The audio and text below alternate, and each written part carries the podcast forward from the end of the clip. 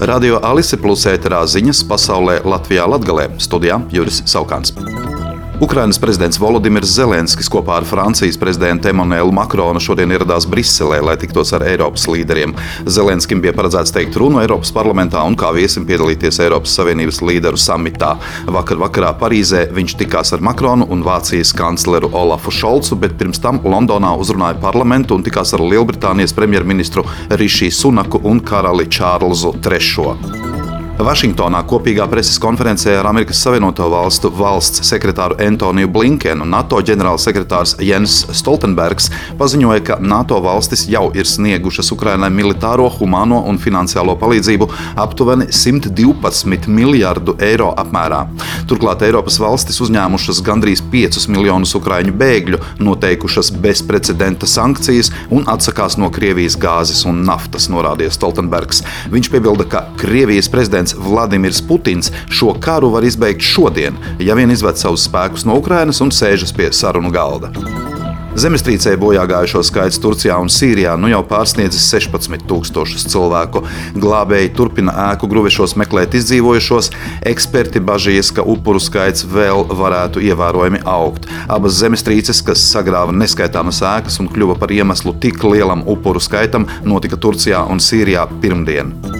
Saimā šodien noraidīja kolektīvo iniciatīvu, kurā bija piedāvāts augstāko izglītību noteikt kā obligātu saimas deputātiem. Sabiedrības iniciatīvu portālā Mana balss bija savākti desmit tūkstoši parakstu par augstāko izglītību kā obligātu prasību saimas deputātiem.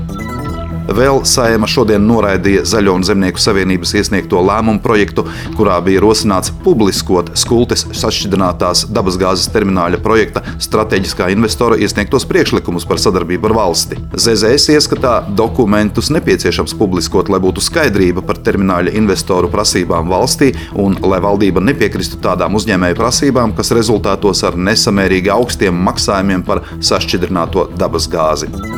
Tuvākajā laikā visos Latvijas reģionos tiks ievēlēti jauni vadītāji saskaņas pirmorganizācijām, kuras palika bez vadības līdz ar biedru izstāšanos no partijas.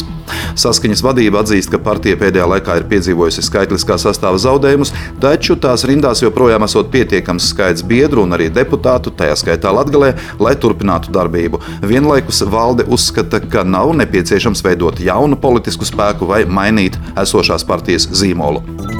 Kultūras ministrija ziņo, ka reģistrēts Augstdaugavas novada ģerbonis. Tā augšējā laukā attēlots Daugopils novada nu jau vēsturiskā ģerboņa simbols, karoks uz zila latgali raksturojoša fona. Laukus sadala viļņota līnija, kas simbolizē Daugavu un tās lokus, savukārt apakšējā laukā izaugošais ozols ir kā citāts no Ilūgstes novada ģerboņa zaļā toņa, kas simbolizē sēlijas klātbūtni.